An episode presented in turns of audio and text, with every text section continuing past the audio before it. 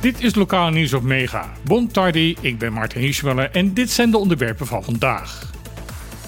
Gaat de overheid handhaven bij resorts die zich niet aan de natuurregelgeving hebben gehouden? Die vraag is weer actueel nadat gisteren het rapport van een onafhankelijke bezwaaradviescommissie bekend is geworden. Bij de bouw van het luxe strandrestaurant Ocean Oasis werd ook een kunstmatig strand aangelegd. Volgens de natuurbeheerorganisatie Sinapa was deze aanleg illegaal en beschikte de eigenaar, de vastgoedondernemer Jeroen van Stralen, niet over de juiste vergunningen. Dit werd met grote veelheid door de ondernemer bestreden. Daarom werd uiteindelijk een adviescommissie benoemd waarin advocaten uit Bonaire, Curaçao en Den Haag zitting kregen. In oktober kwam deze commissie met de aanbeveling om het aangelegde strand illegaal te verklaren en de eigenaar te verplichten het zand te verwijderen. Pas gisteren werd dit advies openbaar omdat het Nederlandse journalistencollectief Follow the Money het rapport publiceerde. Een dergelijke juridische strijd loopt ook nog voor het kunstmatige strand bij Chococo Beach Resort. Daar zal de rechter binnenkort uitspraak over gaan doen. De Europese gemeenschap stelt 120.000 euro beschikbaar voor de ontwikkeling van een waterbeheerplan voor het Nationaal Park Washington Slagbaai. Dit geld kunnen onder andere experts ingehuurd gaan worden om de erosie door hevig regenval in het park sterk te verminderen en de afvloeiing van het overtollige water naar zee tegen te gaan.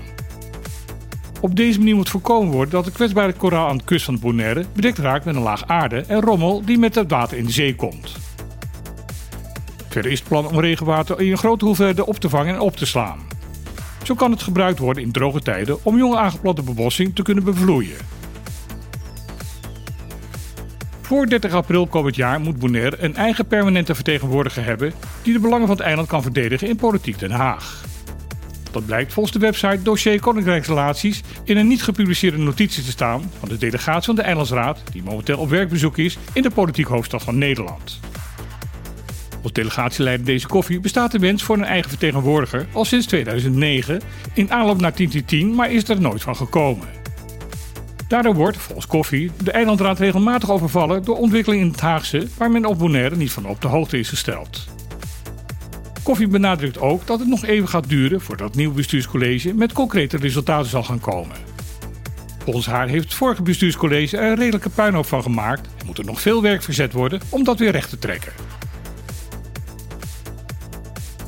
Directeur-bestuurder van de Bonaire Holdingmaatschappij, Annelies Suzanne Jansen, zegt blij te zijn met de financiële verantwoording van de Bonaire Overheidsgebouw NV. Volgens haar is dit de eerste overheids-NV met een goedgekeurde accountantsverklaring over het jaar 2022.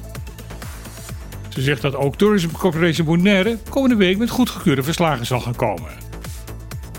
De huidige directeur van BHM trad aan in 2020 en trof naar eigen zeggen rampzalige financiële huishoudens aan.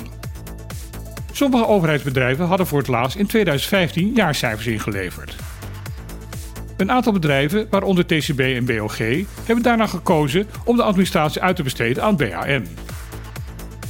Suzanne Jansen benadrukt dat de directies van de bedrijven altijd zelf verantwoordelijk blijven voor de financiële administratie. Vorige week moest zij nog de directeur van Celibon openbaar tot de orde roepen toen hij probeerde de BHM verantwoordelijk te stellen dat de administratie van de vuilverwerker nog niet op orde was. Dit was weer het lokaal nieuws van vandaag op Mega. Ik wens iedereen vandaag een goed georganiseerde dag toe. En dan heel graag weer. Tot morgen.